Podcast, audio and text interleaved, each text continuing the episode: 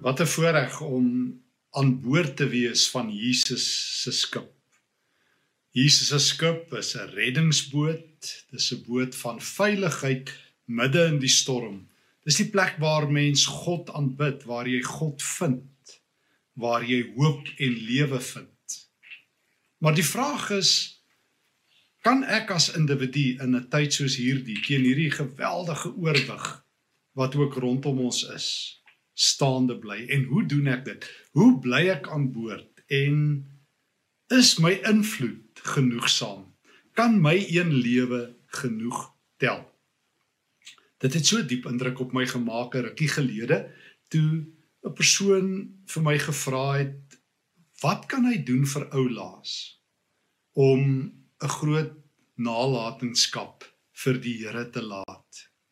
Hy het terminale kanker gehad en hy En hy wou so graag dat sy lewe hier op aarde regtig saak maak en regtig punte tel. En ek het vir hom gesê: "Oom, wees net lief vir die Here en wees lief vir almal naby aan jou." En hy het gesê: "Ja, maar ek sê oom, weet oom wat? Dit gaan oor wie ons is in die Here. Nie oor wat ons alles vir hom gedoen het nie. Ons waarde word nie gemeet aan al ons dade nie, Christus het klaar die prestasiemeting namens ons voltooi. Mens noem dit die kruis. God het alles wat jy en ek moes doen aan Christus opgedra. En in ons plek het hy en die wet gehoorsaam en die straf van die wet gevat. Galasiërs 3 vertel dat hy in ons plek 'n vervloekte geword het. 2 Korintiërs 5 vertel dat hy in ons plek as 'n sondaar behandel is sodat jy en ek vrygespreek kan word sodat ons nou uit dankbaarheid vir God kan lewe. Nee, ons sit nie agteroor in lui lekker land en doen niks nie. Alles in behalwe. Ons hoor mos dat ons uit dankbaarheid vir God moet lewe. En daarom sorg ons dat ons aan boord is al is ons man alleen of vrou alleen.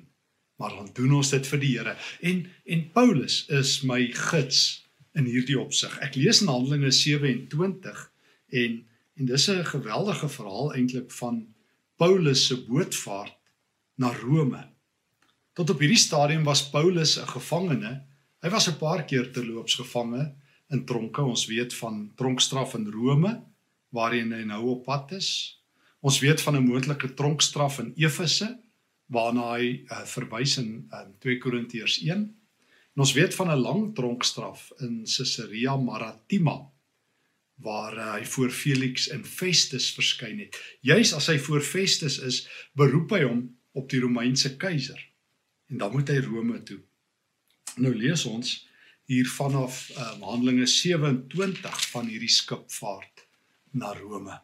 En ek hoor terwyl Paulus nou aan boord is Handelinge 27 vers 9 dat hulle baie tyd verloor het en dat dit al baie gevaarlik geraak het vir skeepvaart skryf uh, Lukas wat die verhaal vir ons vertel.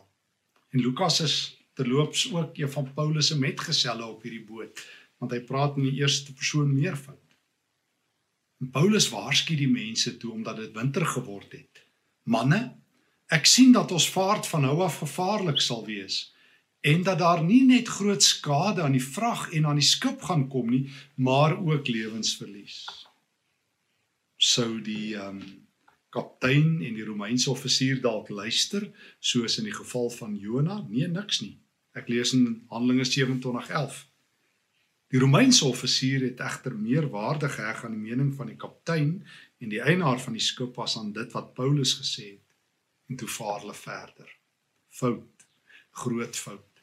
Paulus sê daar wag lewensverlies. Die man van God is aan boord. God se diensknegt die een van wie God gesê het Handelinge 9 toe hy hom geroep het hy sal nog my getuie wees voor konings en hooggeplaastes en ook die harde woorde. Ek sal nog vir Paulus wys hoe baie hy vir my moet ly. En nou is Paulus op pad Rome toe en hy sien lewensgevaar. Die boot gaan sink. Is die Here aan boord? Is daar hoop?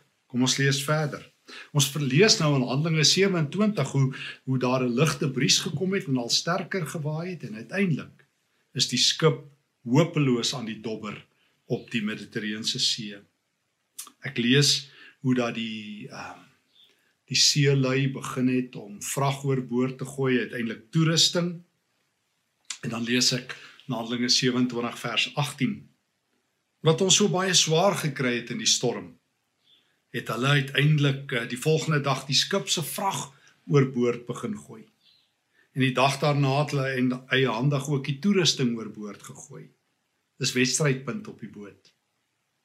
Daar lank was die son en die sterre nie te sien nie. Net 'n geweldige wind voortgewoed. Uiteindelik het ons alle hoop om te bly lewe laat vaar.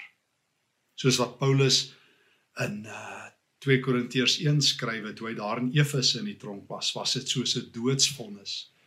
Hy het alle hoop verloor. Hy was uit op sy voete.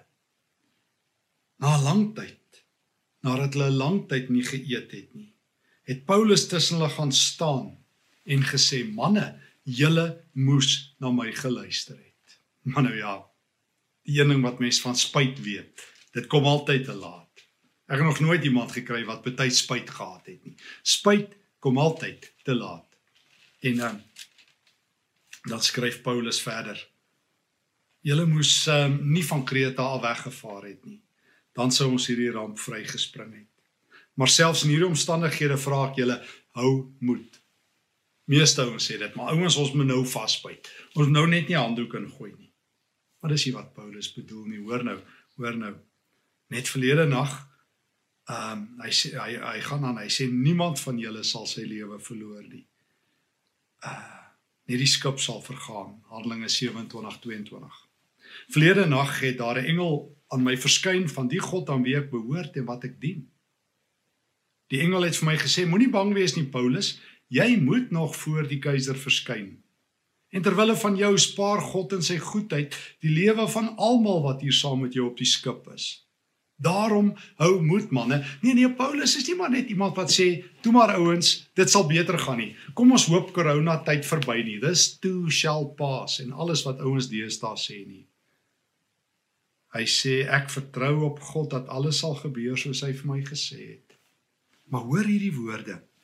Ter wille van jou spaar God almal op hierdie boot. En en ek hoor hoeveel is dit? Uh, vers 37 sê ons was altesaam 276 mense. Ter wille van Paulus red God 276 mense. En dan sê ons, wat beteken ek vir die Here? Wat kan ek vir hom doen? Ek wat een alleen is. Jy is een, maar jy is al een en jy is nie alleen as jy saam met die Here aan boord is nie. Terwille van Paulus red God die boot. Onthou jy die Josef verhaal daarvan Genesis 37 tot 50?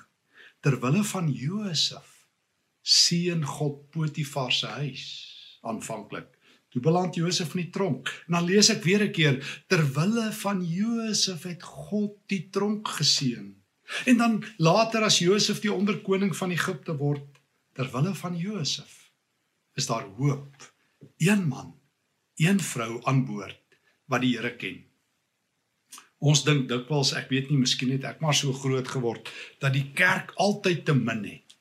Daar is altyd te min lewe, te min jong mense wat betrokke is, te min kerkraadslede, te min geesvervuldheid, te min herlewings, te min geld, te min mense vir die aanddiens, te min mense vir die bazaar. Ek het altyd gedink die kerk het net te min, het te veel van te min.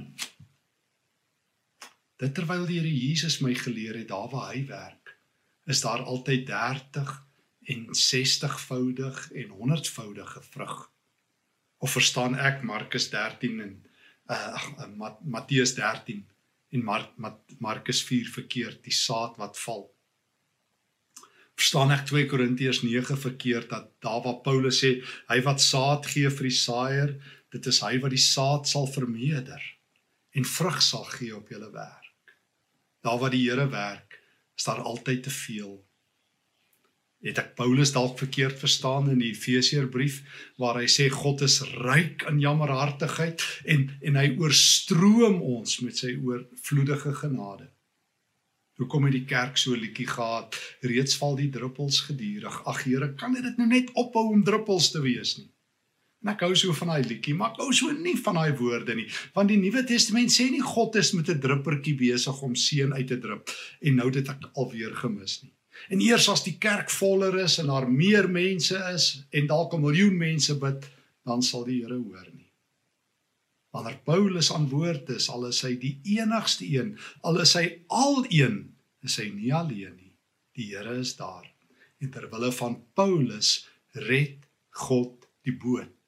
Ter wille van Josef seën God die huis, die tronk, die land. Wat kan God nie doen wanneer ons ophou om te sê wat beteken ek vir die Here nie? Paulus was die Here se man aan boord. En dan hoor ek hierdie wonderlike nuus wat gebeur. Dan hoor ek dan wil die matrose soos altyd dinge in eie hande neem. Paulus verbied hulle. En dan sê hy vir hulle moenie van die boot afspring nie. Dan lees ek in vers 33 van Handelinge 27. Toe dit begin lig word, het Paulus almal aangespoor om te eet. Vandag is dit al 14 dae dat julle in spanning wag sonder om iets te eet. 14 dae na Paulus se profesie. Daarom raai ek julle aan om nou te eet. Aan boord is daar kos want God se man is aan boord. Julle het dit nodig om gered te word. Niemand sal 'n haar van sy kop verloor nie. Waar sê Jesus dit Matteus 10? God het die hare op julle kop getel. Hy gaan nie een verloor nie. Hy gaan julle red. Eet mense en wees vrolik. Skep moed. Nadat Paulus dit gesê het, het hy brood geneem, God in die teenwoordigheid van almal gedank, dit gebreek en begin eet. Hulle het almal moed geskep en ook begin eet. En ook begin eet. O wat wat kan daar nie gebeur as daar 'n man van die Here, 'n vrou van die Here, 'n jong mens van die Here aan boord is nie. God het nie miljoene nodig nie. Hy het een Josef nodig. Hy het nie 'n skare nodig nie. Hy het een Noag nodig om die wêreld te red. Onthou jy Genesis 6? God wil die wêreld vernietig. Dit breek sy hart. As dit Genesis 6 vers 5, toe God gesien het hoe groot die goddeloosheid is van die wêreld, het dit hom berou dat hy die mense gemaak het. Maar Noag het genade in sy oë gevind. Maar Noag het tussen God en die wêreld kom staan. Maar Noag het gemaak dat God die wêreld nie vernietig nie toe God die skip wou laat vergaan, maar Paulus was aan boord. Toe God Egipte wou prysgee, maar Josef was in die huis. Josef was in die paleis. Nie wat hulle gedoen het nie, wie hulle is. Daarom het ek vir die oom gesê, toe hy vra wat moet ek nog doen, sê ek oom, wees getrou aan die Here. Dis jou seën, dis jou nalatenskap. Dis wie jy is. En daarom kan die Here 'n huis red Hy kan 'n familie red. Hy kan 'n land red. Hy kan 'n skip red as een van sy getroues aan boord is. En dan skep almal moed en dan styg geloof. Hoe gaan daar die bekende lied Faith will rise as we wait upon the Lord. Geloof sal op uh, opdam en toeneem Nee, God is nie besig met druppeltjies seën. En hy's nie hier in Pinkstertyd besig om so 'n paar geestelike druppeltjies op ons af te drup en ag Here, kan dit net seën reën nie. Dit reën altyd seën. Johannes 7 vers 38. Onthou jy Jesus wat hard uitroep op die groot dag van die fees? Wie in my glo soos die skrif sê, strome lewende water sal uit hulle binneste vloei. Dit het hy gesê van die wat die Heilige Gees sou ontvang. Wanneer die Gees kom, reën dit seën. Dan kan hom maar net een man van die Here aan boord wees. Dis oorgenoeg. Alleen nee, al een ja, maar saam met die Here. Van al een en alleen gepraat. Ek onthou die verhaal daar in 2 Konings 6. 2 Konings 6, die verhaal van Elisa. Ehm um, onthou jy, hy's in Dothan en die magtige arameërs is op pad om om die Here se profeet te kom vang. En en dan in een nag uh, het hulle hulle magtige leer of 'n groot ruitery gestuur en rondom die stad getrek en nou lees ek dat ehm um, Die môre vroeg, dit is in 2 Konings 6 vers 15, het die slaaf van die man opgestaan, van die man van God opgestaan. En toe hy uitgaan, sien hy 'n leer rondom die stad met perde en strydwaans. En en hy gemaak die die profeet wakker. Hy sê: "Ag meneer, wat gaan ons nou maak?" En Elia antwoord: "Ag, moenie bang wees nie. Die wat by ons is, is meer as die wat by hulle is." Hm. En die slaaf kyk so na meneer Elisa en hy dink by homself: "Meneer het dalk 'n nagmerrie of hy dalk um, nie mooi gekyk nie of dalk moet ek um, net vir hom sy bril aangee."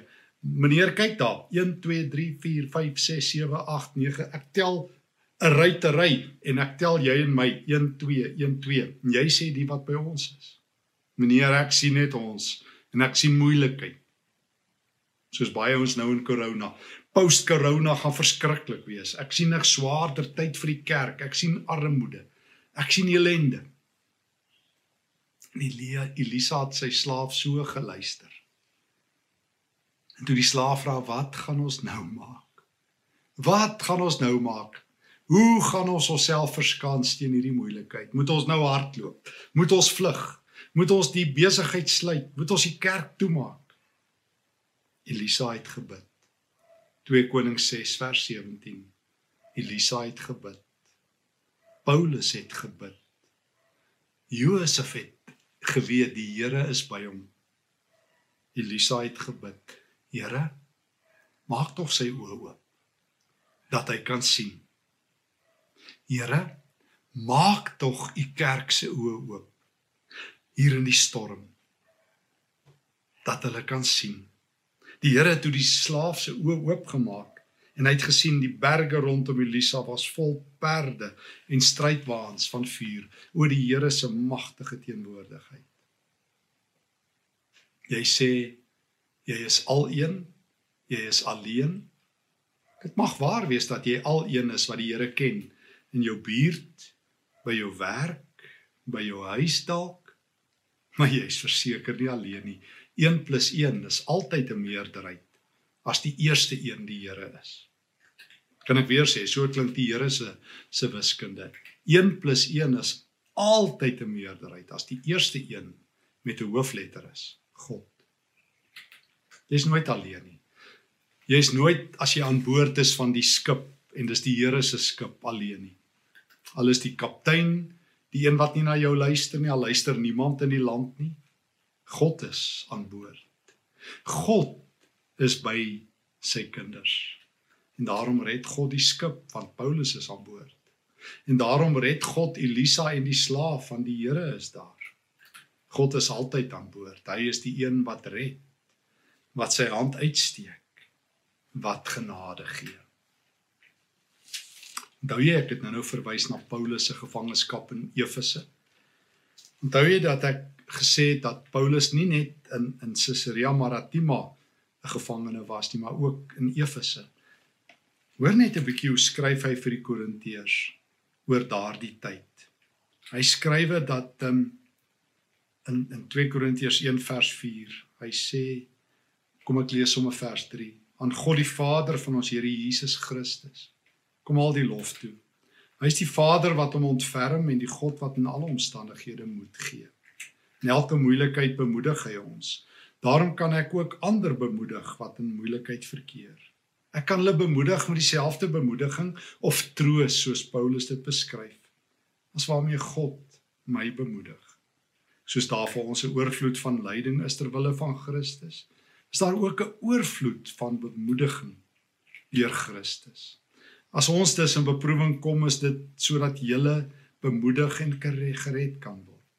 As ons bemoedig word, is dit om julle te bemoedig en te versterk sodat julle met geduld dieselfde lyding kan verduur wat ons ook kan verduur.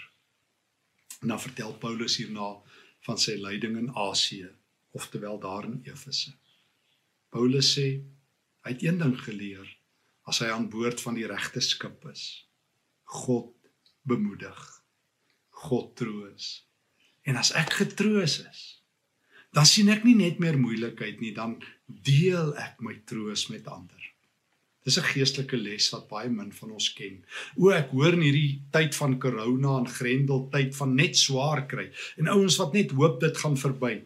Paulus sê leer om getroos te wees in 'n swaar kry. Moenie net wag dat dit verbygaan dat dit jou beste ding is wat jy nou vir almal sê this too shall pass nie. Ja, miskien sal dit, miskien miskien sal dit ook nie. Die vraag is nie of dit sal verbygaan nie. Die vraag is aan boord van wie se skip is jy? En wat is Jesus besig om te doen terwyl jy aan boord is? Hy's besig om die skip te red. Moenie hierdie kans deur jou vingers laat glip nie. Wees 'n seun van een. Jy is dalk al een, maar jy is nie alleen nie. Troos mense. Vind die Here se troos. sien hom op 10000 plekke. Daar's genoeg mense wat moeilikheid raak sien. Daar's genoeg ouens wat vertel dis klaar met ons. Daar's genoeg ouens wat hoop opgee. Ek verstom my partykeer hoeveel gelowiges het beter kenners van moeilikheid geword as kenners van God. Hoeveel Christene is beter uh verstaanders van probleme as verstaanders van God se wil. Daai mense net nou die dag nog het presies geweet voor lockdown wat verkeerd is met Eskom en met die regering. En nou is daar weer 'n nuwe probleem. Nou weet almal weer wat alweer verkeerd is met die regering en met die kerk en met die onderwys. Nou die dag het almal gekla, ons het ehm, 'n um, korrupte president. Nou dat ons 'n president het wat weerloos is, sien niemand dit nie. Hy moet nou net klaar maak met corona. Mense hou van moeilikheid raak sien. Die man en vrou van die Here hou daarvan om God raak te sien. Almal ken die storm. Paulus ken die Here. Almal kan in detail vir jou vertel wat verkeerd is in die storm. Paulus kan vir jou vertel van die troos van die Here. Nee nee, hy's nie blind vir die storm nie, hy's in die storm. Nee nee, Josef is nie blind vir die moeilikheid nie, hy sit in die tronk terwyl hy die moeilikheid aanvanklik sien. Nee nee, Elisa is nie gevry waar nie. Hy sien die ruitery rondom hom, maar hy ken die Here. Ken jy hierdie God? is jy aan boord van sy skip, hierdie God wat red en uitred. Paulus is aan boord. Kom mense, kom eet. Skep moed. Daar is redding en dan skep almal moed.